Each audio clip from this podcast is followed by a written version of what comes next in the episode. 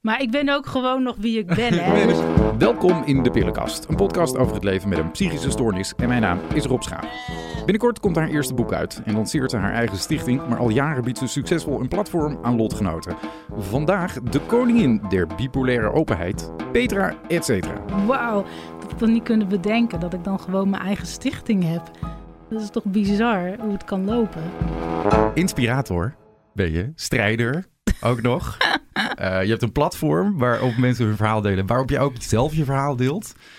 Helemaal uit Zeeland. Ja, ja, ja. De koningin van uh, de bipolaire openheid, zou ik je Uh, hallo, noemen. hallo zeg je. Ja, nou ja, is- ik denk, ik ga je voor het eerst wel... Ik introduceer nooit mensen, maar dit vond ik wel een introductie Oh, waard. leuk. Petra, et cetera. Ja, ja, ja. Hartelijk welkom. Dankjewel, hartstikke leuk. Heel fijn dat je er bent. Ja. Eh, en ik zei al, helemaal uit Zeeland, dat was een flinke rit. Ja, maar ik heb zo eh, mijn personeel, dus, eh, Ja, dus dus ik hoef er alleen maar naast te zitten en eh, ja, heerlijk. je hebt je man meegenomen, maar je man gaat niks zeggen, die zei je al, hè? Nee, nee, dat Nee. durft hij niet. Nee, Oké. Nou, jij, Petra, mag jij, hij ook niet. ik, ik, ik ken je al perso- nou, ik ken je persoonlijk niet, maar ik ken natuurlijk wel jouw website. Petraetcetera.com is dat? Ja, ook .nl. Ik denk, ik pak ze allemaal. Oh, je pakt- je hebt ze allemaal ja, ik heb ze .eu alle- ook Nee, nog? dat nog Oh, niet. dat nog Nee, niet. Op. Eh, eh, Vertel anders even in het kort, want ik zeg al, ja, ik ken het wel een beetje, maar wat doe je op die website? Eh, nou ja, ik ben begonnen eerst om mijn eigen verhaal te delen. Omdat ja, ik op een gegeven moment de behoefte had om open te zijn over mijn bipolaire stoornis.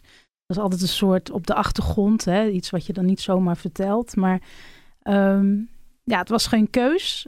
Ik had echt zoiets van, ik moet het nu naar buiten brengen. En het voelde ook als een soort bevrijding. En toen ben ik gaan schrijven eh, op een site. En eh, dat gedeeld, eerst op Twitter naar onbekenden. En langzaam ja, werd, werd dat steeds uitgebreider, ben ik meer blogs gaan schrijven. Maar op een gegeven moment was ik wel klaar met mijn eigen verhaal. Want ja, dat is natuurlijk, mijn ervaringen zijn natuurlijk ook beperkt. En toen dacht ik, hoe leuk is dat als ik ook andere mensen de kans geef om hun verhaal te delen. Want ik had zelf gemerkt dat het mij heel erg eh bevrijdde, zeg maar. Er was echt een last van mijn schouders gevallen van jongens, dit ben ik. Ja. En dat gunde ik ook eh, anderen. Hoe ben je op het punt gekomen dat je dacht, ik ga, want je zei, ik voelde die drang om het gewoon te gaan vertellen. Waar, Ja, nou, eh, ik heb best wel. Ik heb communicatie gestudeerd. En op een gegeven moment, nou, ik had een goede baan. Je wordt afgekeurd. En ik ben eigenlijk twaalf jaar, ja, zat ik maar een beetje thuis. En ehm, ik deed ook verder niks met mijn studie. Ik had niet echt hobby's.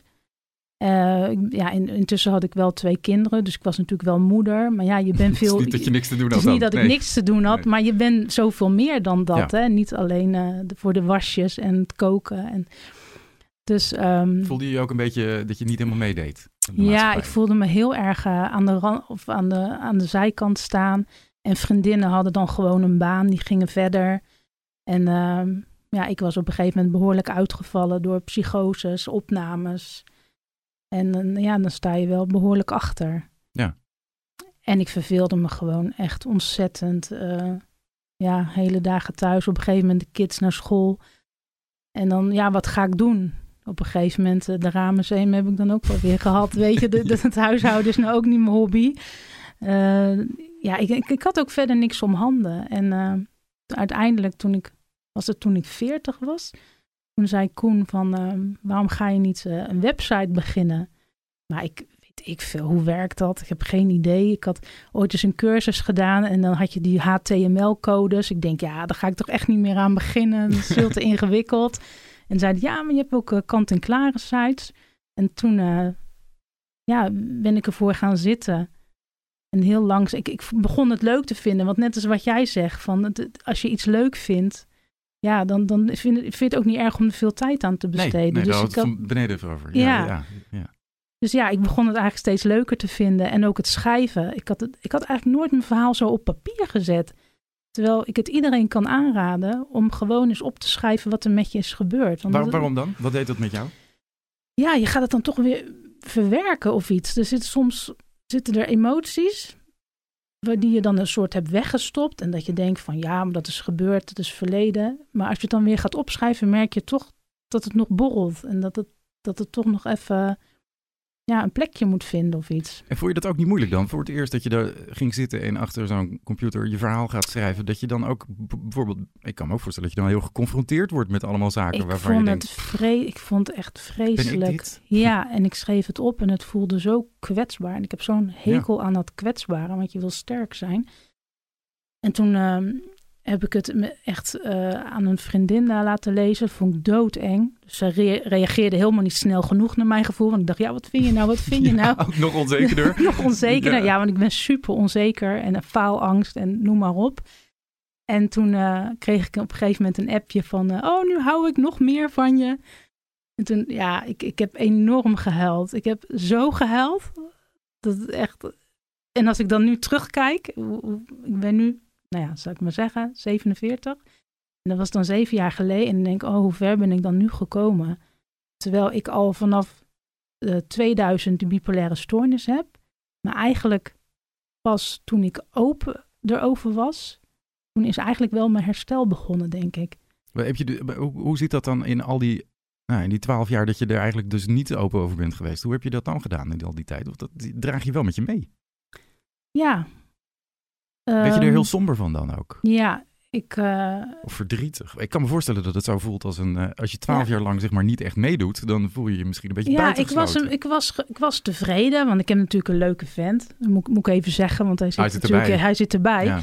En eh, ja, je hebt twee kinderen, we hadden een hond. En ik denk van ja, ik heb een superleuk gezin. Ik bedoel, veel mensen hebben dat misschien niet. En ik moet toch heel dankbaar zijn dat ik dat heb. Ik heb goed contact met mijn ouders. We wonen in een leuk huisje. Dus ja, eh, ik, ja, ik was tevreden. Van, ik, ik moet ook tevreden zijn. En vond je het niet lastig eh, dat je niet kon werken dan bijvoorbeeld? Ja, dat vond ik heel erg. Dat, dat vond ik ook het ergste. eh, dat ik mijn werk moest opgeven. En ik heb het nog eh, drie keer geprobeerd, maar elke keer ben ik uitgevallen. Ik, ik, ja, het geeft mij heel veel stress. Ook, eh, ja, hoe, ging dat de eerste keer? Dat, want je, waar- werkte je? Ik heb geen idee. Ik werkte bij Defensie, eh, bij de Landmacht als eh, communicatieadviseur. oh, cool. En eh, ja, dat is ook helemaal, helemaal te gek. Ja. En ook een hele leuke organisatie om te werken, omdat het zo divers is. Maar ehm, nou, zoals ik al zeg, ik, ik, ik heb best wel faalangst en ik ben ook heel perfectionistisch. Dus dat zit eigenlijk enorm in de weg, eh, zo die contrasten. En ehm, Ja, ja, het, is echt irritant is Ja. dat eigenlijk. Want dan denk ik van, ik weet in mijn hoofd wel van, joh, je hoeft helemaal niet onzeker te zijn en we hoeven niet perfect. En, maar het zit toch in je systeem of om zo. daar naar te streven. Om de- ja. En niet tevreden bent als het iets minder is. Nee. En Ja. eh, ook heel erg wat anderen ervan vinden, wat je doet. En, ehm, maar goed, toen ik daar net begon, eh, was ik super enthousiast en ik pakte alles aan. En ja, ik denk dat ik, dat ik toch in een soort ma- manische, ja, als ik dan even de niet bipolaire termen spreek, toch wel erg manisch was en enthousiast. En alles kon niet op. En eh, een jaar later eh werd ik heel onzeker. Ik kreeg heel veel eh, spanningen in mijn nek, in mijn schouders. Ze hebben op een gegeven moment nog gedacht dat ik reuma had. Maar dat bleek later, ja, dan noemen ze dat fibromyalgie. Want dan kunnen ze niet vinden wat het echt is. Dus denken ze, nou, dan heb je dat. Dan zeg maar. het een naam. dan geven het een naam. Ja, volgens mij is dat zo met fibromyalgie. Maar eh, eigenlijk zat het dus gewoon tussen mijn oren. Ja. Ja. En dat, hoopte dus, dat uitte zich dus in ook lichamelijke klachten. ja, want dat heb ik nog steeds. Ik heb heel veel spierspanning altijd. Ik ben altijd eh, ja, wel gespannen. En, maar even terug naar op je werk. Daar, ging- heb je Oh, dat op een gegeven moment aangegeven dan? Van, eh, nou, nee, nee, oh, echt oh, niet. Nee. nou, ik liep daar wel heel onzeker. Want toen ik daar echt begon bij de fans, ik was echt het meisje wat zingend door de gang liep. Hè? Ik was echt. eh, maar eh, ik werd steeds onzekerder. Heel veel last van mijn spieren, wat ik al zei. En ehm, ja, ik durfde ook gewoon eigenlijk echt niet meer naar mijn werk. Op een gegeven moment zat ik, eh, ik had dan een kantoortje. En dan had ik echt de deur dicht en dan zat ik achter mijn computer. En ik moest een internationaal communicatieplan schrijven voor een project invoering van het nieuwe identiteitsbewijs van Defensie. Met zo'n smartkaart. En ik, wist het gewoon echt niet meer. Ik, ook heel je inspiratie, je creativiteit, alles is gewoon helemaal weg. Maar blijkbaar zat ik dus gewoon in een depressie. Hm. Ehm, Zo klinkt het inderdaad wel, ja. Ja, dat er niks uit je handen komt. er, komt, er kwam totaal niks uit mijn handen. Maar ja, het moest allemaal wel. Dus mensen hadden ook zoiets van, hè, hoe, hoe kan dat nou? En uiteindelijk eh, heb, ik- wist ik het echt niet meer. Heb ik muziek, of nee, dus had ik muziek moeten melden. natuurlijk. Want ja, je bent ziek. Ja. Maar uh, dat wist je alleen niet op dat dat wist moment. ik alleen nog niet. Ik, wist, ik dacht van ja, dat ligt aan mij. Ik Ja. ben gewoon zwak. Ik kan het niet. Dus toen heb ik ontslag genomen. Oh, je hebt ontslag genomen? Ja, ik dacht van ik Jeetje. moet, ik moet nu echt rust. Dus ik heb ontslag genomen en ik dacht van ja, ik ga gewoon naar huis. Lekker thuis eh, relaxen. Ik, ik teer wel een beetje op mijn En wat heb spaarcenten. je gezegd tegen je werkgever dan? Gewoon tegen nee, ik heb ontslag genomen gewoon. Gewoon zo, ik wil een andere baan, ik heb geen zin meer, ik wil iets anders doen. Ja. Echt waar? ja, ik durfde het echt niet te zeggen. Wat moet je zeggen? Ja, nee, ik begrijp het. Want, je- Want hoe- jij denkt het ligt aan mij en er komt gewoon niks uit mijn handen. Ik kan maar beter stoppen. Ja, Ik kan het niet. Ja, belachelijk. Maar ja, toen, dat is eh, 20 jaar geleden of zo. Ja, dat was het denk ik ook heel anders. Nu kan je zeggen dat je een burn-out hebt. Dat is veel meer geaccepteerd. ja. Want dan had ik dat wel kunnen zeggen. Want eigenlijk had ik dat natuurlijk ook. Ik denk ook dat het daarmee is begonnen. Dat je eerst een burn-out hebt en je raakt depressief. En ehm, Ja, dan Ja, ik- komt die faalangst nog eens een keer om de hoek kijken. Dan maakt het ook allemaal niet ja, veel je, eh, nou ja, je bent zo kritisch op jezelf. Ik weet niet of het bij jou is, maar ik heb... Ja, nee, dit alles wat je zegt, dat klinkt super herkenbaar. Ja, Van perfectionisme tot eh, die faalangst, die combi. Die ken ik ook wel heel goed. Ja, het is eh, dramatisch. Het botst enorm. Ja. Dus ik vraag me soms af of dat toch die karaktereigenschappen zijn waardoor zo'n bipolaire stoornis tot uiting komt. Zo die twee Het tegenovergestelde. is in ieder geval heel toevallig dat, we het, eh, dat het mij ook heel erg eh, herkenbaar eh, in Ja. mijn oren klinkt. Precies dit. Ja. Ja. Maar ja, toen, nou, ja, toen toen kwam dus ik thuis. Ja, toen zat ik thuis. En ik wilde eigenlijk altijd al een hond. Maar ja, we hadden natuurlijk de tijd er niet voor. En toen dacht ik van ja, ik ga, we gaan voor een hond. En toen ben ik heerlijk met dat beestje gaan wandelen. En ehm, ja, ik denk dat dat contrast van een hele drukke baan. Want ik moest ook altijd heel veel reizen naar al die kazernes toe. En in één keer thuis te zitten. En eh, eind dat jaar raakte ik in een psychose. Ineens. Ja, Had je niet het idee, het klonk, ik dacht dat je ging zeggen, oh nou dat heeft me goed gedaan. Nee, die periode rust, nee. hondlopen, wandelen, lekker hè. Nee, dus dat contrast is zo groot. Ik denk dat het een bepaalde trigger is geweest. Het was ook wel een jaar nadat mijn oma was overleden, dat ik in een psychose raakte. Ik weet niet of dat er nog mee te maken heeft. Maar ik, ik denk dat het gewoon een enorme trigger was en een soort ontlading van alle spanning die ik had opgebouwd. Ja, wat gebeurde En, er? eh, Wat gebeurde er? Of als je dat niet wil vertellen, dan eh, weet je dat. Dan hoef je dat Oh niet te nee, doen. ik, Maar ik ben open. Ik vind dat, eh, ja. ja, nee, dat is hartstikke fijn. Maar er zijn ook mensen die zeggen, nou dat soort details hoeven wat mij betreft Ja, niet. Maar Ik, eh, ik krijg altijd last van betrekkingsideeën. En dat is dat je dat alles wat je ziet, ruikt, hoort, noem maar op, dat je dat een betekenis gaat geven op je leven. Dus ehm, ja, als ik hier zo kijk, bijvoorbeeld, ik zie dan een, een, een gordijntje hangen zwart. En als ik dan heel in een depressieve bui ben, dan denk ik aan mijn dood. En dan denk ik, oh, nu denk ik aan mijn dood. Heeft dat een betekenis? Zou ik, zou ik doodgaan misschien? Of weet je? Hmm. En dan, dan dus krijg je alles dan wat met je alle... ziet om je heen, dat betrek je dus op jezelf. En dan ga je ook een verhaal bij, eh, bij creëren. Ja, bijvoorbeeld ook eh, muziek wat je luistert. eh, zeker Nederlandstalig of Engelstalig, als je dat natuurlijk kan begrijpen. Dan is het toevallig even van, nou, Ja, ja, gaat ja, over gaat mijn over leven. Dit gaat over mij. En jeetje, ja. En Dus, hoe, hoe ver gaat dat door als je dan psychotisch bent? Raak je dan ook echt helemaal de weg kwijt? ehm, Dat je je daar echt Ja. door, door, door, laat leiden, zeg maar? Of is er ook nog wel een stemmetje in je hoofd dat zegt, "Mm, let op Peter, want het is niet helemaal... ja, dat is misschien nu wel, want ik heb er nu drie psychoses gehad, dus daar leer je ook van. Ervaring, Dat ja. ik ben, dat gaat heel ervaren. Ehm, maar ehm, ja, ik vind het een beetje moeilijk om te zeggen, maar het voelt bij mij niet als een ziekte wat ik dan heb. Ik vind het iets van een spirituele ervaring. Mm. Ehm, omdat op dat moment volgens mij je filter kapot is en alles binnenkomt. Dus dat je alles tegelijkertijd ervaart. Wat natuurlijk onze hersenen niet aankunnen, waardoor je verkeerde verbanden gaat leggen. Ja, en waardoor je heel misschien vanaf vanuit een positie van iemand anders misschien een beetje verward lijkt of eh, Ja, niet helemaal in contact bent. en zeker als je dat voor het eerste keer ervaart. Ja, ze noemen het ook wel synchroniciteit. Dat, dat alles lijkt, in, me- lijkt als een puzzel in elkaar te passen. Dat je denkt van ja, maar zo zit het leven in elkaar. Ja, En het is echt, ja, ja, de eerste keer was ik natuurlijk doodsbang dat ik dat zo ervaarde. Ik denk van, krijg nou wat, wat, wat, wat gebeurt er? En je gedachten gaan op een gegeven moment zo snel, je houdt, je houdt ze niet meer bij. Je kan, ehm, ja, al, al, je wil antwoorden vinden op vragen die binnenkomen. En dan ben je constant aan het zoeken. Het wordt één grote formule die je aan het ontleden bent. En ehm, ja, dat, het, het, is niet een, een gezonde staat van welzijn. Als dat dan Maar- ziek maar zo- zijn is, dan, dan ben je wel ziek. Maar eh, ja, ik denk dat wij in het leven zoals we hier leven op aarde, dat dat gewoon niet past. Omdat het, ja, dan ga ik, ga, ik ga, sorry hoor, maar dat Nee, wordt heel... nee, nee, helemaal niet. Daar moet je je geen sorry voor zeggen. Ik ben gewoon heel erg benieuwd naar wat ja, je zegt. het is ook bijna niet uit te leggen. Jawel. maar, ja, ja, eh, ik snap wel heel erg goed wat je bedoelt hoor. Ja? Ja, ja. Dus eh, precies ook wat je zegt over dat filter. Dat, eh, dat herken ik ook wel. Dat er op een gegeven moment, want dat hebben we natuurlijk hè, met elkaar afgesproken in onze samenleving. Je hebt bepaalde regeltjes en bepaalde constructen en contracten en sociale contracten waar we ons allemaal aan houden. Ja, Zo leven wij. Maar als die wegvallen, wat blijft er dan nog over, zeg maar? Dan is het puur ja alleen we, we, je- we filteren. Dat is natuurlijk een mens. Dat je moet, je moet filteren. Ja. Dus het, het wordt natuurlijk ook een bepaald door je referentiekader, wat je dan filtert en wat jou dan opvalt. Maar ik denk dat als jij in een depressie zit, dat, dat je filter een soort verstopt zit.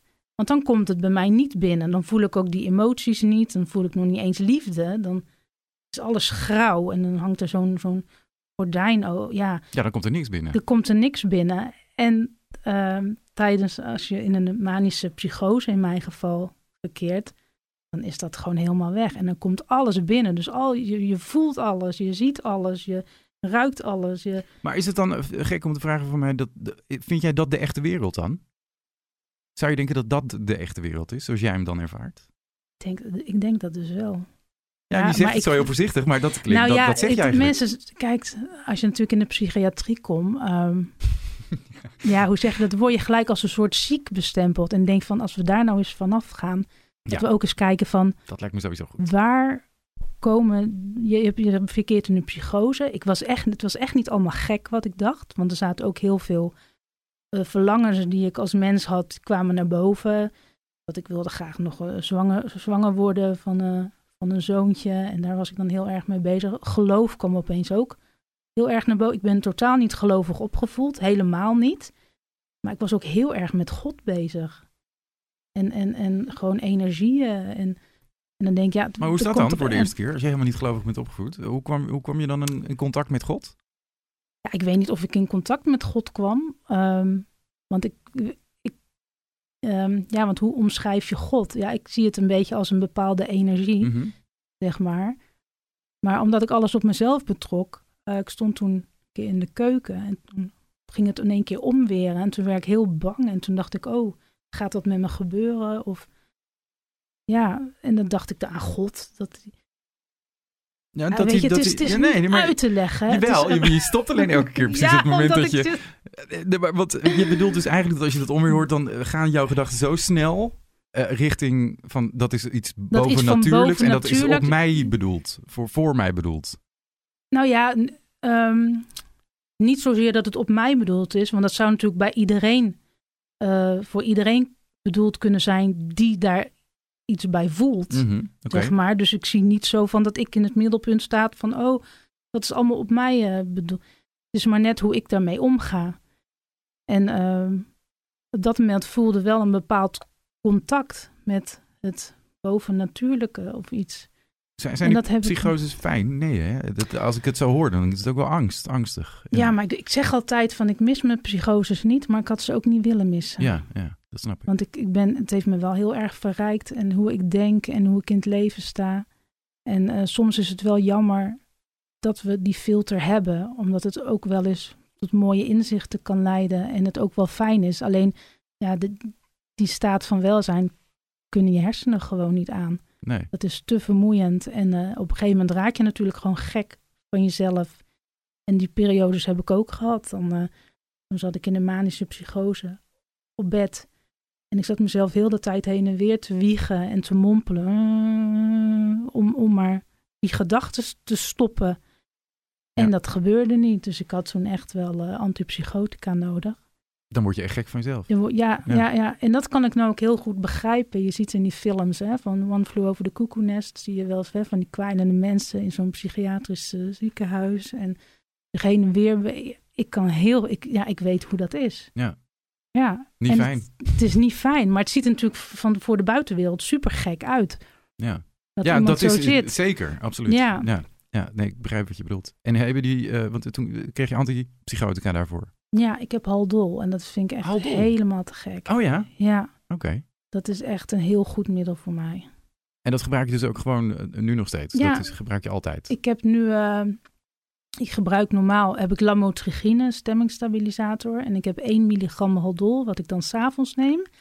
Maar nu zit ik op 2, omdat ik, natuurlijk, mijn boek komt dadelijk uit. Gaan We het over hebben. ja, en, en, en ik ben met een stichting en alles bezig.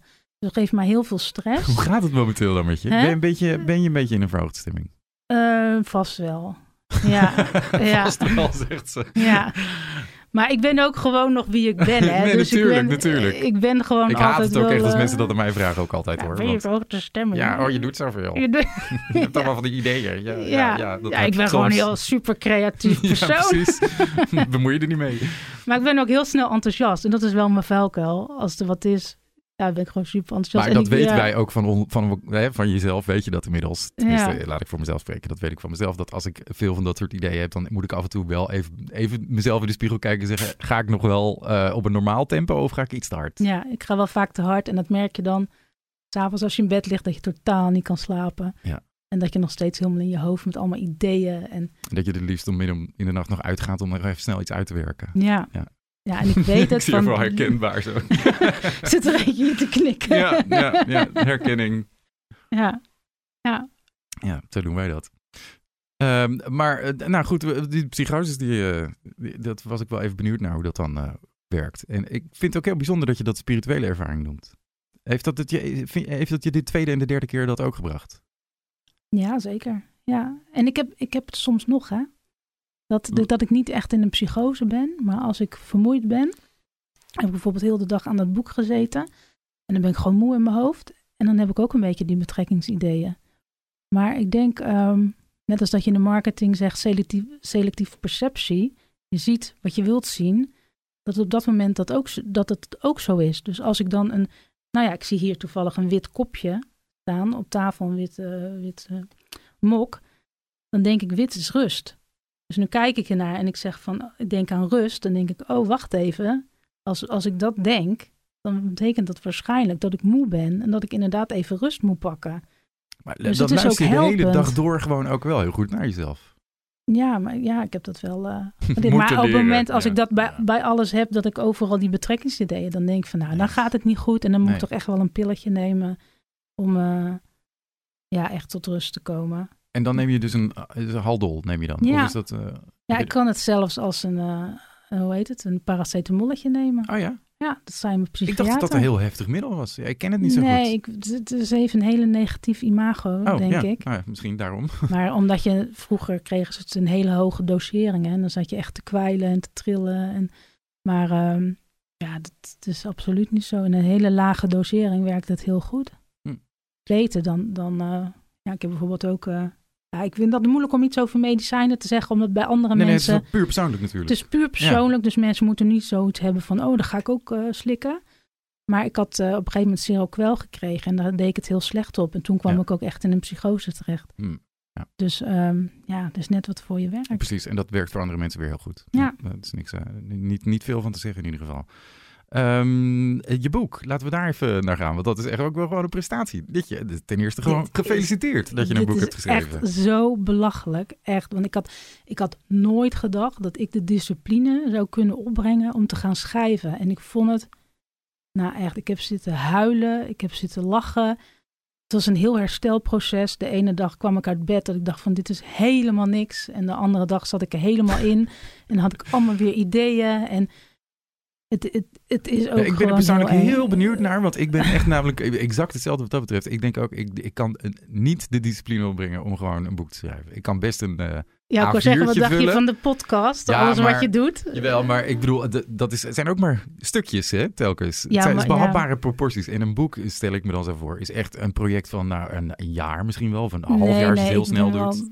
drie, drie jaar mee bezig Nou, kijk, geweest. bedoel wel- Ja. Nou, die, ik, die Maar- aandachtspannen, om die zo lang vast te houden en zo ge- gefocust daarop te zijn, dat, dat, eh, zie ik mezelf gewoon niet doen. Maar daarom vind ik het des te knapper dat jij het wel doet. Dus ja, hoe het is doe je maar dat? net wat. is- In drie jaar lang. Ja, en dat Want we hebben een bipolaire stoornis, hè? Hoe krijg je dat gefocust dan eh, drie jaar lang? ja, je moet gewoon beginnen. En mensen denken allemaal van, ja, als je mij googelt, dan denken ze, zo, dat is een druk beestje. Maar dat is helemaal niet zo, want ik ben gewoon thuis. En eh, zoveel heb ik niet om handen. Dus ik zocht echt een beetje een uitlaatklep, een stukje zingeving, van ik moet wat met mijn leven. En dan maar gewoon eh, beginnen. Maar waarom dacht je, ik ga een boek schrijven? Want je hebt Oh, eh, dat een heb ik al. website. En, eh, je, je doet hartstikke veel, toch? Je, je Nou, maakt dat het een beetje kleiner, maar je doet wel een hele hoop. Ehm, ja, nou ja, dat, dat boek, dat, dat zat al zo lang in mijn hoofd. Omdat, ehm, even kijken hoor. Ik heb jaren al vanaf 2006 werk ik ook voor de vereniging Plus Minus. Wat ik gewoon een ja, topvereniging vind. Zeker. Want het was echt... Voor mensen voor met een bipolaire stoornis. Ja, precies. Maar ook betrokkenen. En, eh, en eh, ik ben daar regionaal contactpersoon geworden. Ik eh, deed ook psycho-educatiecursussen geven samen met SPV, psychiater. En ik had gewoon zoveel kennis al opgebouwd over die bipolaire stoornis. En elke keer als je dan weer een nieuwe cursus gaf, dan ging je weer hetzelfde vertellen. Ja. En ik dacht van hoe mooi is het als ik alles nu kan bundelen in een boek. En dan, ja, dat, en het is eigenlijk, ik wilde ook eh, heel veel informatie geven. In het begin een beetje te hoor, want dan wordt het heel eh, complex verhaal natuurlijk. Maar het is, het is mijn eigen verhaal, maar ik wil dat niet centraal zetten. Van het, gaat niet om mij, want je moet als je het boek leest, moet je er zelf wat aan hebben. Eh, Het is dus niet alleen een biografie. Het is ook gewoon Nee, echt niet. Tips en trucs. ja, inderdaad. Tips en trucs, praktische tips, maar ook eh, linken naar andere websites, naar personen die het betekenen binnen de GGZ. Ehm, even kijken, onderzoeken worden genoemd. En het heeft als hoofdstukindeling allereerst, ja, het Petra et cetera verhaal. Wie ben ik dan? En de rollen die ik eh, vervul in het leven of heb vervuld. Dan is het de periode van ziek zijn. Wat is er toen met mij gebeurd? Dan krijg je de diagnose. En eh, dan moet je stabiel worden.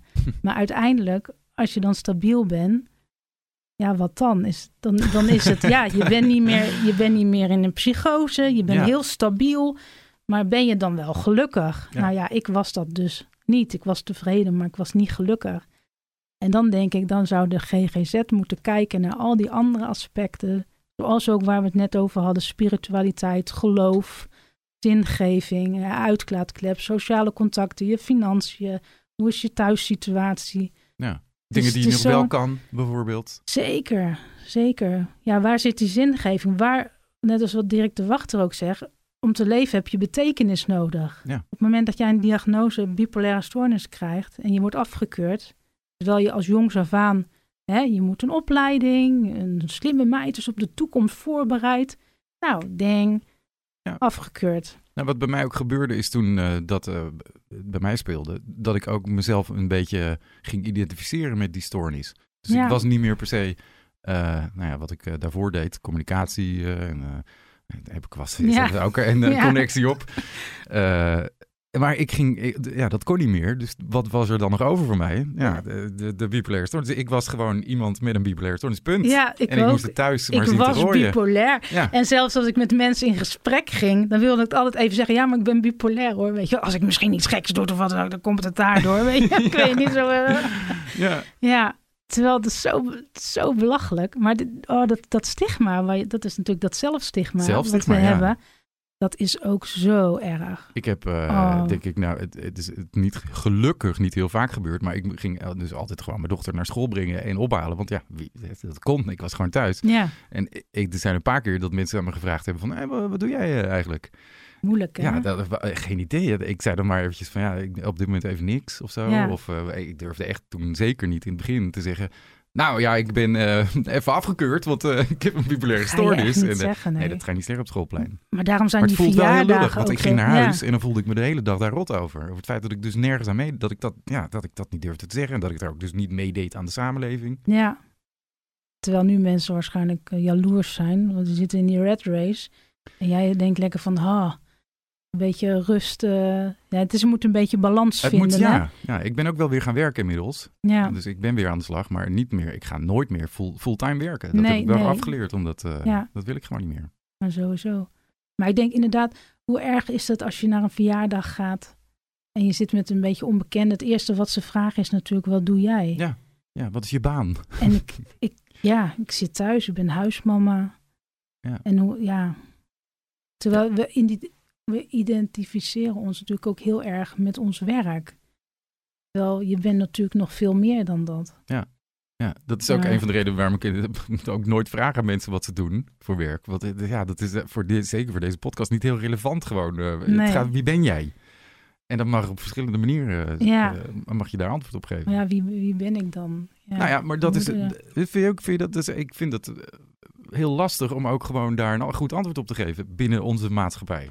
Ja. Want wie ben je dan? Als je niet Als gaat je niet praten werk- over je werk. Wie- Ja. Wie ben je dan? ja, dat is natuurlijk heel erg prestatiegericht, hè? heel die maatschappij nu. Ja. En eh, ja, dat is jammer. Heb je daar ook wat tips voor in het boek? Schrijf je daar ook over? Over hoe dat is? Als je dus gewoon thuis zit in hoe dat voelt? Eh, ja, dat, eh, voel- ja. Hoe- ik denk dat de- dat ook voor mensen heel... laat ik uit mijn eigen ervaring spreken. Dat was voor mij wel een dingetje. Ik, eh, ik vond dat echt heel zwaar. Ja. En ik ben ook veel gaan eten uit verveling. Plus dat je door de medicijnen ook aankomt, waar je ook niet lekker in je vel gaat zitten. En je hoeft natuurlijk ook niks, want ik hoef niet uit bed. Nee. Ik hoef me niet mooi aan te kleden. Ik ga, niet- terwijl je soms dat wel nodig hebt om gewoon lekker in je vel te zitten. Maar alles was, het was allemaal niet meer belangrijk. Het doet er allemaal niet toe. Ja, En toen, nou, ik ben ook wel benieuwd naar die, dat platform wat de Peter et cetera is. Want dat, dat is, eh, toen ik begon met de podcast, toen ben ik ook aangeschoven bij Plus Minus. Gewoon eens te vragen, eh, praatje te houden. En dan kwamen ze meteen op met jou op de prop. Hè? Van, kijk eens op die site, daar vind je allemaal Oh, mooie verhalen. ja. En, eh, dus dat heb ik toen ook gedaan en veel aan gehad. Hoe, hoe Oh, was dat voor jou toen, om dat te horen? Dat mensen daar een hoop... Ik neem aan dat je reacties hebt gekregen op je site. ja maar ik... ehm, Vond je dat niet fijn? Ja, maar de- complimenten komen altijd best wel moeilijk binnen bij mij. Oh, Want ben dan je er ook ja, ja, dat zeg je alleen. Nee, ik weet niet. Ja, ik weet wel dat... Ja, ik weet natuurlijk nu wel dat er veel mensen wat aan hebben. Maar ik... Het, ja, hoe zeg je dat nou? Ik weet niet hoe mijn imago is of zo. Dat weet je niet. Wat, wat, wat, Maar het feit dat weet- iemand jou een mailtje stuurt, eh, stel ik me zo voor, met eh, ik heb dit en dit gelezen en eh, hartstikke Ja. fijn om dit te horen en bedankt. En dat is toch, dat doet je toch goed? Ja, niet? dat, dat is fantastisch. Want ik miste ook heel erg, erg het contact met Ja. mensen. En nu heb ik gewoon mijn eigen community met 1200 mensen. Die, Precies, dat bedoel ik. dat, dat is wel super tof. Heb je daar ook niet veel steun aan dan? Ja, daar heb ik heel veel steun aan. Zeker die online contacten ook. Ehm, ja, je kijkt wat een netwerk ik nu heb. Dat is, dat is gewoon echt gigantisch groot. Maar je- Mm. realiseer je dan ook dat je daarmee zeg maar begonnen bent met helemaal niks? dat je Eh. toen gewoon in Zeeland zat in je eentje thuis? Ja, Dat is, dat is best een je prestatie. gaat me niet aan het janken brengen. ik zit... Nou ja, dat is wel bedoeld. Nee hoor. Helemaal niet zelfs. Ja, maar zo was het wel. En dat zeg ik net. Ja, maar dat, ik meen dat oprecht hoor. Het is helemaal niet om iets uit te lokken. Maar ik, ik, kan, me, ik, ik, ik kan me heel goed voorstellen hoe het is om alleen thuis te zitten en niks te kunnen en niks te doen. En je heel rot te voelen daarover. Vervolgens een stap te zetten en denk ik, ik ga gewoon open zijn hierover. Vervolgens een community op te bouwen en kijk waar je nu zit. Ja. Ja, en da- daarom zeg ik, de GGZ moet echt kijken van naar je sociale contacten. Ja, meedoen. Dat is meedoen. Ja. En dat hoeft niet eens inderdaad op werkgebied te zijn. Hoewel dat nu natuurlijk mijn eigen... Ik heb nu een beetje mijn eigen werk gecreëerd. Maar eh, ja, dat, dat, dat is dat... Ja, lotgenoot zeg ik nog. Ik zeg altijd ervaringsgenoot. Vind ik dan wat prettiger eh, klinken. Maar zo belangrijk. Ja. Zo belangrijk. Ja. Nou, on- ja, en, en daar hou ik erover op. Maar onderschat dat vooral ook niet, eh Nee, jouw nee. rol daarin. Maar je boek, wanneer komt het uit? Want dan gaan we het even over je boek Eh. hebben. Dan gaan we niet eh, huilen, dat gaan we niet doen. eh. Nee, maar dat denk ik niet. Ehm, ja, eind november eh, komt het uit. En eh, we hebben, omdat ik ook donderdag teken ik eh, de papieren, zodat Petra et cetera ook een stichting is geworden. Want daar willen we leuke dingen mee doen. En als eerste wil ik een verhalenbundel uitbrengen van mensen uit de groep. Want het leek me een mooie aanvulling op mijn boek. Omdat ik natuurlijk eerst ook mijn eigen verhaal op de site heb gedeeld en later gastblogs. Nou vind ik dat boek eigenlijk een beetje van, nou mogen andere mensen hun verhaal gaan delen. Dat goed. En eh 11 december vieren we dat in Amstelveen. Mensen kunnen zich aanmelden om te komen. Je moet even een mailtje sturen naar info.petraetcetera.nl en dan sturen we de gegevens op, eh, het programma. En ja, dat wordt gewoon heel gezellig, want dan Kijk, nu zit je achter de computer, maar het lijkt me ook zo leuk om die mensen in het echt te Ja, zien. natuurlijk. Ja, Ja, hartstikke leuk. En dat is de Ja. 12e december. eh 11. 11, 11 december. december, op een zaterdag en dan in de middag, want dan is het wat makkelijker om voor mensen om te komen. En wat gaan we dan doen? Hm? Wat gaan we doen? Nou, we gaan heerlijk gewoon lekker drinken, gezellig, muziek. En even niet, eh, geen zware onderwerpen, gewoon elkaar ontmoeten en vragen van, goh, wat doe jij voor werk? Hoe lang zit jij al thuis? Nee, maar snap je, gewoon lekker, lekker gezel ja, gezellig eh, samen. En eh, ja, Dat klinkt heel goed. ja. Dus eh, dan moeten mensen maar gewoon op de site kijken als ze daar wat meer over willen weten. Eh, ja, er komt nog een officiële uitnodiging Ja, want je zei donderdag is er dan de stichting, maar dat is aanstaande donderdag. En eh, dan staat deze podcast al online. Want die staat over, nou wat is het, ergens twee weken. Staat Oh ja, ja. Dus dan Ja. is de stichting al Dan is de stichting er al. Kijk. Ja. ja, dat is wel idioot. Dan denk ik van wauw, dat ik dan niet kunnen bedenken dat ik dan gewoon mijn eigen stichting heb. Dat is toch bizar hoe het kan lopen. Ja, dat Ja. is... eh, dat is Maar daarom zeg ik ook iedereen van gooi één steentje in het water en laat het vers- ja, weet je, het hoeft denk ook niet groots. Begin gewoon met iets kleins en kijk gewoon of je het leuk vindt. En als je er met enthousiasme mee bezig bent, dan uiteindelijk krijg je steeds meer inspiratie. Maar je weet van tevoren niet tot wat het gaat leiden. Ik had dit ook niet in mijn hoofd van oh, moet een bekende site met een community. Dat, dat had ik helemaal niet voor nee, ogen. dat groeit. Ja. Dat groeit. Ja. Dus ja. Net als een boek. Maar- dus ik hoorde je ook straks zeggen, dan ben ik dan ook benieuwd. Dat drie jaar eh, heb je daarover gedaan om te schrijven. Is, heeft dat ook een beetje met je perfectionisme te maken? Ja, nou, ehm, het, eh, je moet het ook wegleggen. Ook voor je creatieve proces. Je kan niet in één keer, ja, volgens mij, je kan niet in een jaar gewoon een boek schrijven. Ik heb Je moet eh, dus, iemand in de eh, podcast gehad vorig jaar die echt, geloof ik, in een Ja? maand een boek had geschreven. Ja, nou oké. dit, dit, dit boek, dit Dat- boek. Oké, Van David. ja. Nou, dat vind ik echt super. How to not dat kill vind ik. Ja, Ja. dat heeft hij in een manische episode. Nou ja, dat inderdaad. Als je natuurlijk in de manie zit, dan, eh, dan wil het wel. Heeft hij waarschijnlijk ook s'nachts uh, zitten Ja, ja, ja, precies. Dat heb ik dan niet gedaan en ik had mijn medicijnen. Dus, heel eh, verstandig. heel- Veel dus, dus verstandiger. dat wat langzamer gegaan. Maar ik wilde ook veel onderzoeken erin. En elke keer als ik dan ergens was, of, of later was ik dan bij zo'n cabaretvoorstelling. En toen zeiden ze iets dat ik denk, wauw, dat wil ik meenemen in mijn boek. Dus ik heb elke keer, eh, ja, gewoon, ik had mijn telefoon en in die notities, elke keer als mij wat opviel of er was een onderzoek, ehm, schreef ik dat op van, oh, dat is leuk voor in mijn boek. Of bepaalde tips waar mensen mee kwamen in de groep. Van, oh, dat is interessant, dat moet ik opschrijven. Ja. Dus er staan ook heel veel. Kijk, Nadia van der Sluis bijvoorbeeld, Mhm. heb je ook een gesprek mee gehad. Zeker. Daar heeft ze ook in het boek kwam ze met een tip dat ik denk van, hé, hey, maar dat is een goede tip. Ga ik natuurlijk nu niet zeggen, want dan komen. want dan moet je het boek van Nadia over. Maar, Ja, ja, maar eh, ja, vol tips. ja, vol. eh, En, ik Ja, ben, en, de- en die verhalenbundel, die, eh, is die ook al, ben je daar ook al mee bezig? Voor zeg maar oproepen voor mensen van eh, stuur verhalen in? nee, Of? nee, ik ben eerst. ik heb eerst zoiets van eerst mijn eigen boek, maar de stichting even kijken hoe dat loopt. En dan ja, willen kijken, willen kijken of ik geld kan inzamelen om dat dan in eigen beheer eh, uit te geven. En dan doe ik een oproep in de groep. Ehm, en dan eh, ja, vragen of mensen wat willen schrijven. En het hoeven geen ervaren schrijvers te zijn. Het gaat om de ervaringen. Ja. Maar ehm, ja, dat lijkt me. Kijk, ik vind het fantastisch om dadelijk een eigen boek te hebben. En hoe fantastisch is het als dadelijk je verhaal in een boek, boekvorm wordt uitgegeven. Ja, dat is echt heel cool. Ja. En dan verhalen, oh, ja, natuurlijk over rouw, verlies, maar vooral ook van hoe ben je in je kracht komen te staan.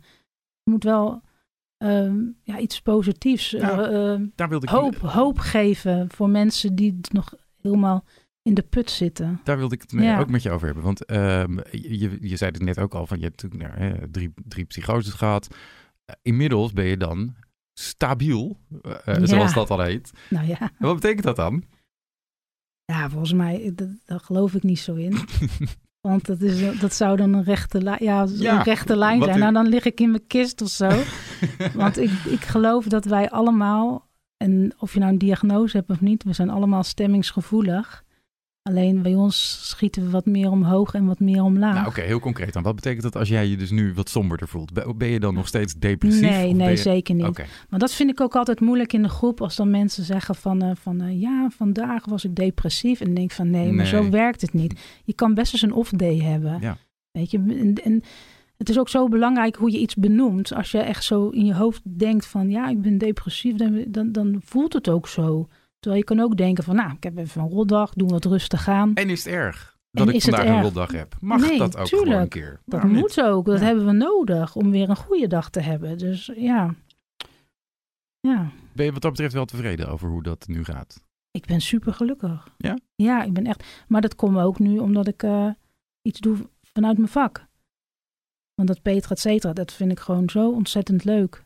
Ja, boekschrijven doe ik niet meer. Dat heb ik echt wel gehad. Nee, dat is niet meer eens één keer. Nee, Oh, vre- vreselijk. Wat eh een heel herstelproces. Stel dat het nou echt een succes wordt. Want eh, dat, ik, kan ik, dat kan ik echt niet geloven. Nee, maar Nee. eh, eh, probeer even met me mee te denken. dan wordt het een groot succes. En dan wordt, eh, hoeft niet ergens in de top 10, maar het wordt echt goed verkocht. En Ja. goed gelezen. En mensen geven allemaal positieve reacties. Ik kan me niet voorstellen dat er niet ergens in jou iets gaat branden. Of denk van, nou, ik ga er nog eens schrijven. Ja, maar dan zou, waar, waarover zou het moeten gaan? I don't know. Nee. Ik heb nog nooit een boek geschreven. Nee, dan moet het echt wel. eh, moet het echt, nee, dat moet vanuit mijn gevoel komen. En eh, dat komt niet van buitenaf. Van oh, dat ben is je een niet gevoelig voor dat soort complimenten? Dat mensen zeggen, oh, goed van ja, dat is mooi, mooi verwoord en wat een goed verhaal. Ehm, ja, dat is natuurlijk wel heel fijn om te horen. Maar ehm, ja, complimenten vind ik altijd lastig. Dat komt bij mij niet helemaal binnen, zeg maar. Ik vind het heel fijn, tuurlijk. Want ik heb heel graag die bevestiging nodig van anderen. Dat is ook soms heel irritant dat ik dat heb. Maar ehm, dat is een beetje waarom ik het ook vraag, want dat herken ik ook heel erg. Ja. Namelijk dat stukje. Ja, ik heb heel erg de bevestiging nodig van anderen. Maar als het uiteindelijk komt, dan denk ik, ja, maar dat zeg je alleen maar om, weet je, of ja, maar zo goed is het ook, ook niet. Ik zit mezelf altijd een beetje naar, naar beneden te kletsen te praten. Maar andersom werkt het niet zo, hè? Dus als iemand negatief zou reageren, dan, dan trek zit je ik, dan trek het me ontzettend, aan. ontzettend aan. Ja, ja, inderdaad. Maar misschien heb ik dat ook wel nodig, die instelling, omdat ik anders constant eh, hypomaan zou zijn. dat ik denk, ik moet een beetje mezelf onder controle beetje- oh, er zit weer iemand te knikken hiernaast. Ja, klinkt ook weer herkenbaar volgens mij. Ja, ja. ja want, want Koen is ook zo iemand die, die is altijd wel heel rustig. En dan ben ik weer super enthousiast over iets. Van, ja, mijn boek, dit en dat. eh. En dan is het, ja, dat is goed. eh. En dan- Maar, wa- wa- hebben jullie het daar ook wel eens over dan bijvoorbeeld? Want ik, ik kan me, en eh, het moet je gewoon zeggen als het niet zo is, maar ik kan me ook voorstellen, als ik in jouw schoenen zou staan nu en er komt een boek uit, is heel spannend. Want Ja. je weet niet hoe mensen gaan reageren. Misschien vindt- leest niemand het, misschien vinden drie mensen in de familie en die kopen het en zo, of die kopen het niet eens, die krijgen het. Ja, ik heb, en dan, en dan ik zou helemaal, ik zou er denk ik wel een beetje depressief worden als dat zou Eh, gebeuren. ja, het is, Ben je er niet bang voor dat dat gebeurt? eh, nee. Nee. Ik denk, maar dat komt doordat ik al jaren geleden in de openheid ben gekomen met mijn verhaal. Ja, en dat ik me daar niet meer echt voor schaam, zeg maar. Want, want ja, als je mij googelt, ik kan eigenlijk al niet meer terug. Nee. Want het is ook bipolaire, ja, De Petra, der- de bi- bipolaire rol. Maar het kan me, dat, dat kan me nu allemaal niet schelen. Het is meer, eh, en ik heb er ook natuurlijk wel goed over nagedacht. Wat, wat zeg ik wel, wat zeg ik niet. Ehm, Maar voelt het niet maar een het beetje... voelt wel kwetsbaar. Ja, drie jaar lang. Dat is nog wel een, een- een hoop werk in. Ja, dat, dat wel. Ja, dit is niet uit te drukken in eh, geld, zeg maar. Nee. Dit is echt, eh, ja, toch een stukje levenswerk ook, denk ik. Ja. Maar daar maak je dus geen zo. Ik zou me daar wel. Ja, maar dat is gewoon meer mijn eh idiotie, denk ik. Dat ik me daar heel erg Nee, druk om zou maken. Ja, dat ik denk, is- ach god, eh, straks dan vindt niemand het leuk. Nou, het voorwoord is geschreven door eh, Ralf Kupka, hoogleraar bipolaire stoornissen. Dus ik dacht van, nou, als hij, als hij het heeft gelezen en hij vindt het goed, dan zal het toch wel goed zijn. Dat zou een hoop schelen, denk ik, als Ralf goed, ik hoop dat... zijn goedkeuring heeft gegeven. ja, want ik vond het ook heel belangrijk dat ik geen gekke dingen, of tenminste gekke dingen, het moest wel kloppen wat ik zei. En ik heb ook een hoofdstuk over medicatie. Het moet wel kloppen. Het zijn natuurlijk als, altijd nog mijn ervaringen, maar ehm, er, er moeten geen onjuistheden in staan. Kijk, en er zal best wel een fout in komen. Want ja, perfect is het natuurlijk nooit. Nee. Maar eh, het moet niet iets eh, belangrijks zijn wat, eh, Nee, nee maar ik, ik probeerde, ik, ik was ook eigenlijk een beetje meer op zoek naar iets anders. Maar fijn dat je dat niet hebt. Ik zou Wat was je op zoek? Nou nee, ik was een beetje aan het zoeken naar van misschien dat je dat ook heel eng vindt, zeg maar. Het, de reacties die mensen straks gaan geven. Dus dat Ja, je, ik zou dat- mezelf ja, heel erg veel zorgen maken over het feit dat ik krijg straks negatieve reacties van mensen. Wat zit jij nou met je verhaal? En, eh, maar dat is Ja, mijn maar ik idee. denk- hè? ik denk- zeg niet dat jij dat moet hebben of zo. Dat is ook helemaal niet goed om te hebben, neem ik. Maar Nou, ik had het met mijn blogs wel. Zeker in het begin met schrijven. Elke keer dat ik het heel eng vond om eh, te laten lezen. En ook zeker voor de reacties. Ja. Maar ehm, ja, nee, ik, ik ben, nee, ik ben Nou, alleen fijn. heel enthousiast. en ik denk van, nou ja, ik, ik, ik zie het wel. Eh, het voelt wel kwetsbaar. Ehm, dat natuurlijk ook mijn privé, eh, ja, dat mijn verhaal kunnen lezen. En, ehm, maar ja, ik vind, ik, ik weet niet, ik vind het zo belangrijk dat het, dat het naar buiten komt. Dat ik dat eigenlijk, ehm, ja, wat ik erbij voel, een beetje opzij zet. Van ik vind het belangrijk, ik wil mensen helpen ermee. En wat het dan met mij doet, ja, jammer dan. wat is Dat eigenlijk het belangrijkste wat je mensen zou willen meegeven dan? Wat in het boek staat? Ehm, absoluut echt helemaal voor jezelf gaan, zodat jij gelukkig bent. En ehm, niet denken aan wat de maatschappij van je verwacht of wat mensen, dat jij denkt dat andere mensen van je verwachten, want zo werkt het natuurlijk. Maar echt over, ik deed zelf 's ochtends in de spiegel aankijken en zeggen van, goh, waar word ik nou echt gelukkig van? En dat ermee, kijk, het klinkt misschien ook een beetje makkelijk, want ja, er moet ook geld in het laadje komen natuurlijk als je een vervelende baan hebt. Maar kijk dan met kleine stapjes van hoe je het leven leuker kunt maken. En misschien is dat niet die, die vakantie. En als je nou in de eh, spiegel kijkt en, eh, want eh, dat, dat schiet me te binnen, dan als ik dat wel zou doen in periodes waarbij het niet zo goed gaat, dan kan ik helemaal niet bedenken waar ik überhaupt gelukkig van word. Hoe, wat zeg je dan tegen die mensen? Als je, voor, als je in zo'n periode zit dat je denkt, nou ja, hoe ik, hoe ik probeer ook mezelf hier uit te praten, dat, dat lukt gewoon niet. Ik Ja. word nergens blij van. Ja, dan, dan zou ik gesprek gaan, denk ik, met als je vrienden hebt of iemand die je vertrouwt, dat je gaat praten. En dat je, ehm, vaak heb je een spiegel nodig. Ja, en dan niet die spiegel die in de badkamer. maar dan gewoon eh, van mens tot mens, om erachter te komen waar je, waar je kracht zit en waar, waar, je, waar je blij van wordt. Misschien weet je dat inderdaad ook niet, zeker in een depressie. Maar eh, Nee. Ik denk dat je dan eh, moet gaan praten met iemand. En dat kan natuurlijk ook een psycholoog zijn, want dat is ook helemaal niet verkeerd. Zeker niet. eh, Ja. ja. Maar misschien heb je dan toch wel even de ander nodig. Ik, ik heb toch wel die uitdrukking van een gesprek met de ander is een kennismaking met jezelf. Hm, ja. En ik denk echt, dat we hebben de ander nodig om tot onze eigen identiteit te komen. Dus ga in gesprek. Ja, ook over de zwaarste gevoelens die je hebt. De, hè, misschien heb, denk je wel aan eh, zelfdoding. Ga erover praten alsjeblieft, want je bent niet alleen. En eh zoek contact. Dat, is, Ja. eh, dat is een super goede tip. Ehm, ja. Eh, Heb je, je gebruikt dus nu gewoon medicatie. Denk je dat je dat ook gewoon je hele leven blijft gebruiken? Ga je daar, heb je de hoop dat ooit nog eens af te Ehm, bouwen? Ja, ik weet het niet. Ik, ik had wel de hoop. Ik heb het ook wel geprobeerd om het af te bouwen. Maar dan merk ik toch dat ik ga wankelen. Dus dat ik toch eh, heel negatieve gedachten krijg. En eh ga malen. Niet lekker in mijn vel. En ik heb zoiets van... Als dit mij nou ondersteunt om heel gelukkig te zijn en te kunnen doen wat ik doe. Dan heb ik liever dat de kwaliteit van mijn leven dan de kwantiteit. En is dat ja. een, een, een voor, lijstje met voor- en tegens? Dat je echt ook een beetje tegen elkaar dingen kan wegstrepen? Of voelt het voor jou eigenlijk gewoon alleen maar als iets positiefs?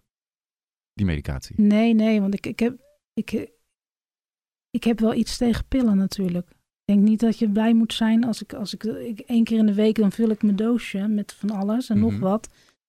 Eh, dat is wel even een momentje dat je denkt van, ja, het liefst zou ik zonder kunnen. Soms bij de apotheek, dan krijg je heel weinig mee. Of er is weer een ander, ander merk. En je bent zo afhankelijk van die farmaceutische industrie. En daar baal ik wel van. Ja. Maar ja, dat zijn meer mensen. Is het, is het erg? Dat je daarvan afhankelijk bent? Als dat het je eh, helpt in je leven? Als het me helpt, denk ik denk dat mensen daar niet moeilijk over moeten doen, nee. Als, je, als, je, als jij daar echt gelukkig, als jij er gewoon goed in je vel zit en je bent er echt gelukkig van, dan is je leven toch veel meer, Ja. meer waard.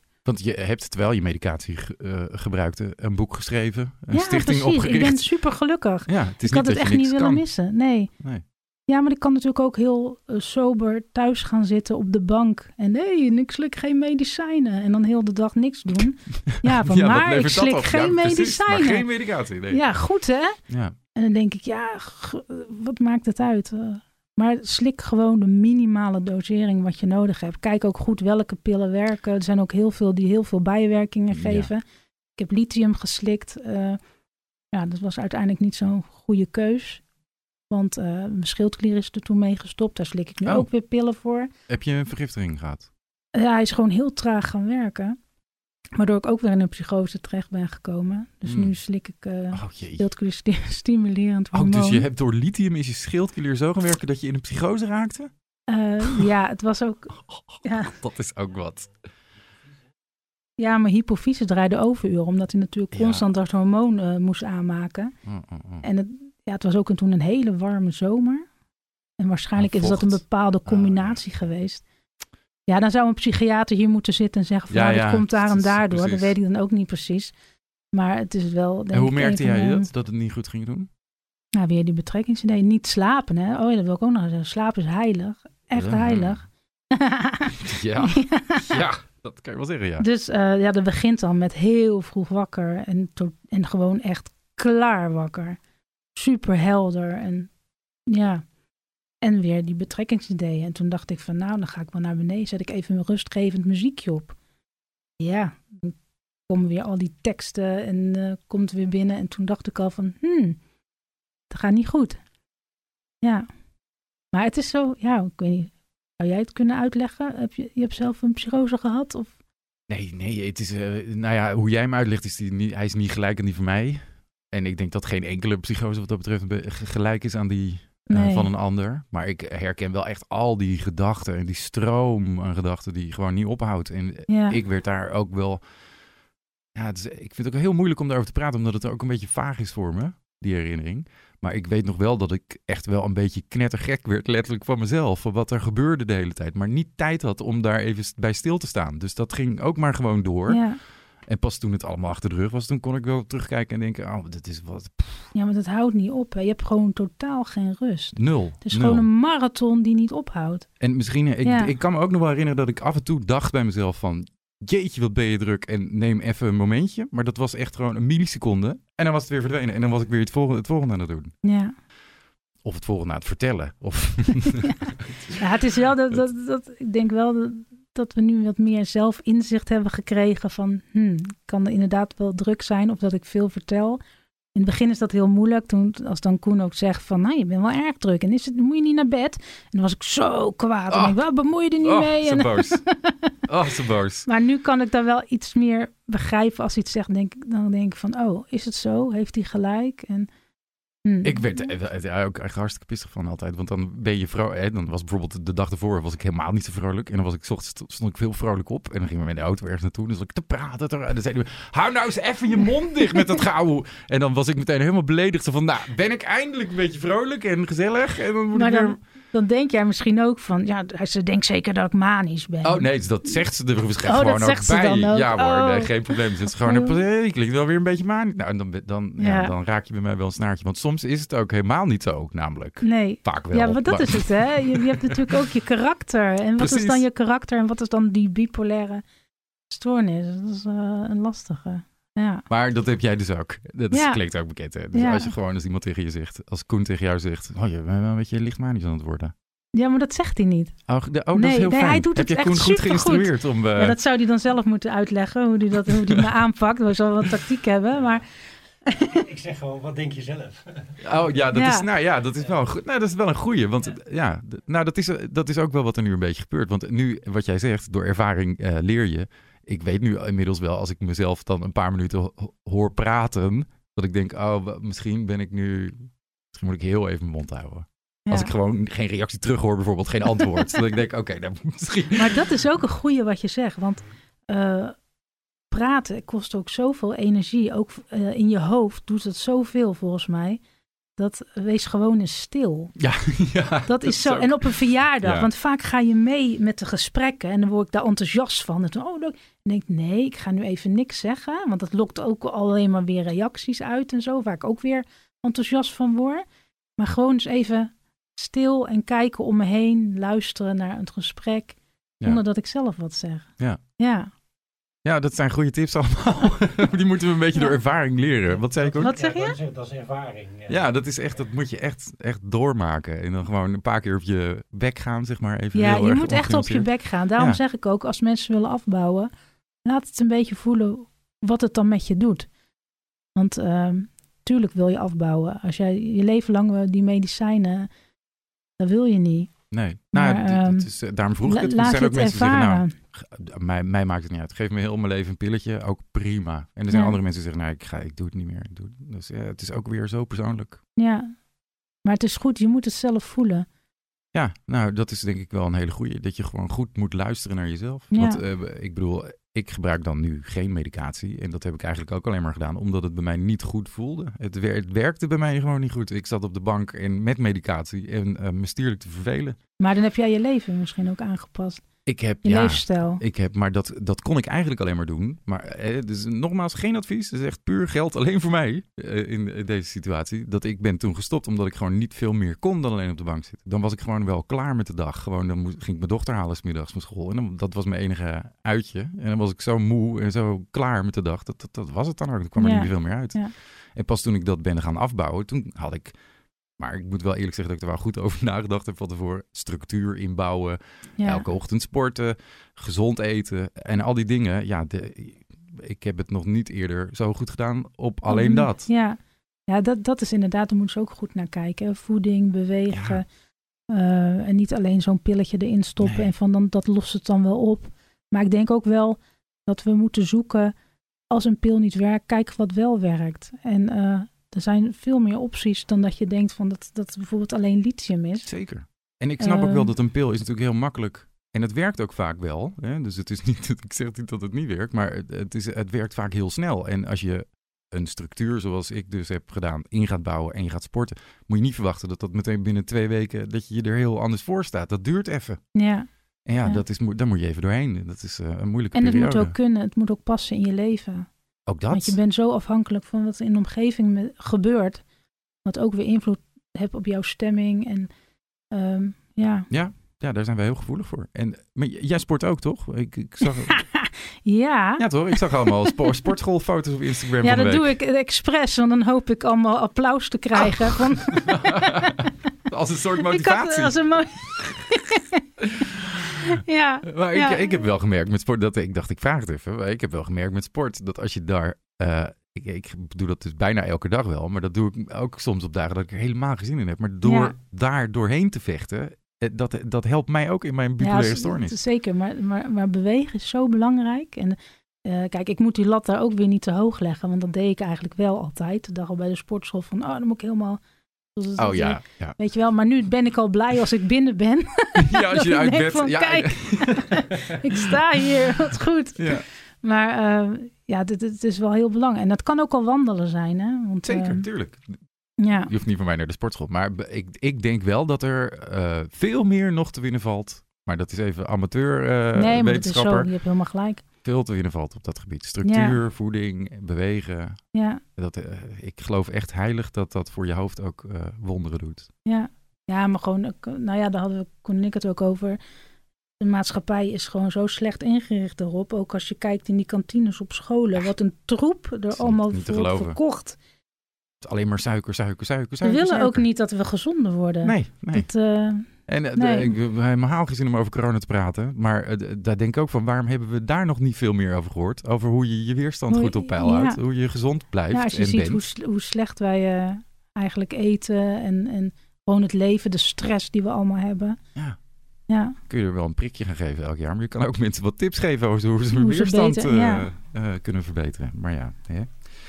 tips staan in ieder geval in jouw boek. Dat Ja. is heel fijn. Hoe heet het eigenlijk? Want dat is. heb ik nou, ook dan moet je raden. Oh, dan moet ik raden. Ja, Nou, ik, ik, Hoe ik zou het vermoed heten? dat je... Ja, maar dan moet ik nu even heel goed... want dan ga ik helemaal in je communicatiehoek mee zitten denken. Dan is Het iets met Petra, et cetera. Nou, echt in één keer. Ter verhaal. Oh, het boek. ik, zat, ik, ik zat inderdaad op, op titels te bedenken. En eh, toen dacht ik op een gegeven moment, waarom noem ik het gewoon niet Petra, Ja. et cetera? ik bedoel, die bekendheid heb ik al. Waarom zit ik nou moeilijk te doen? Dus ik denk van nee hoor, Petra, et cetera. En eh, Leuk. ja, ja, Ik, eh, nou ja, ik, ik ga het gewoon lezen als het uit is. Ja, wanneer is de, de release datum? Ik wil hem eh, 25 november uitreiken. Oké.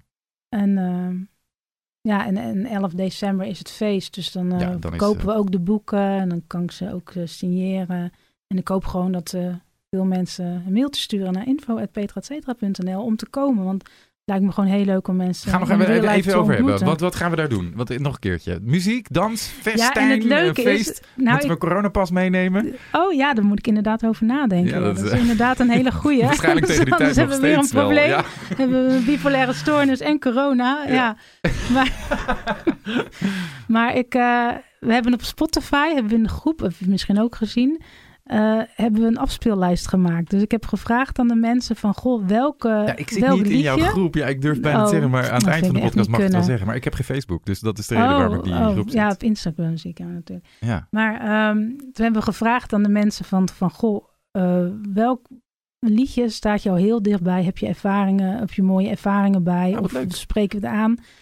En ik heb die mensen een, van de groep een podcastlijst laten aanmaken. Ah, wat leuk. En dat was eigenlijk zo'n succes, want nu staat er al vijf en een half uur muziek op. En zo lang duurt die bijeenkomst niet.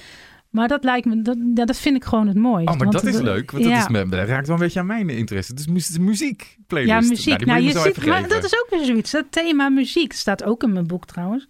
Muziek. Hoe belangrijk dat is. Superbelangrijk. Zo. Heel belangrijk. Ja, Ja, ik Dus, heb eh, denk ik bij elke belangrijke gebeurtenis in mijn leven wel een liedje. ja. Ja, Ja. dat is heel leuk. Oké, nou, ik, die, ga ik die, die, die playlist, die ga ik wel even linken onder jouw bericht. Op, Oh, Oké, eh, ja, ik heb er twee. Ik heb er ook, ik heb er ook één. Dat is een playlist wat gaat over de liedjes die gaan over de bipolaire stoornis. En die gezongen zijn door mensen met een Met bipolaire ook nog. Nou, Bipolist. Ik vond, hem wel,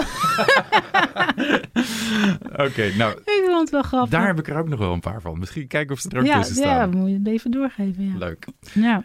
Eh, Petra, eh, ik ga je gewoon heel erg bedanken voor je komst hier naartoe. En Koen ook. Dank je Koen, dat je zo altijd uit je mond eh, hebt gehouden. Niet moeilijk. Dat is niet moeilijk, hè? Nee. Maar Petra, heel erg veel, eh, heel erg veel dank. En ehm, veel succes met je boek. En Ja, eh, de dankjewel. 11e december. eh, mensen kunnen allemaal naar info.petra.etcetera.nl Ja, .nl. mailen. Ja. Eh, en anders moet je maar gewoon even op de website van eh Petra et cetera kijken. Oké, Petra, dankjewel. dankjewel. En tot zover deze aflevering van De Pillenkast. Meer informatie over de Stichting van Petra vind je dus binnenkort op haar website petraetcetera.nl. Heb je zelf hulp bij psychische problemen nodig? Neem dan contact op met je huisarts. En heb je gedachten aan zelfmoord? Bel dan met 0800 0113 of met 113 en praat erover. Volgende week een nieuwe Pillenkast. Heel graag tot dan.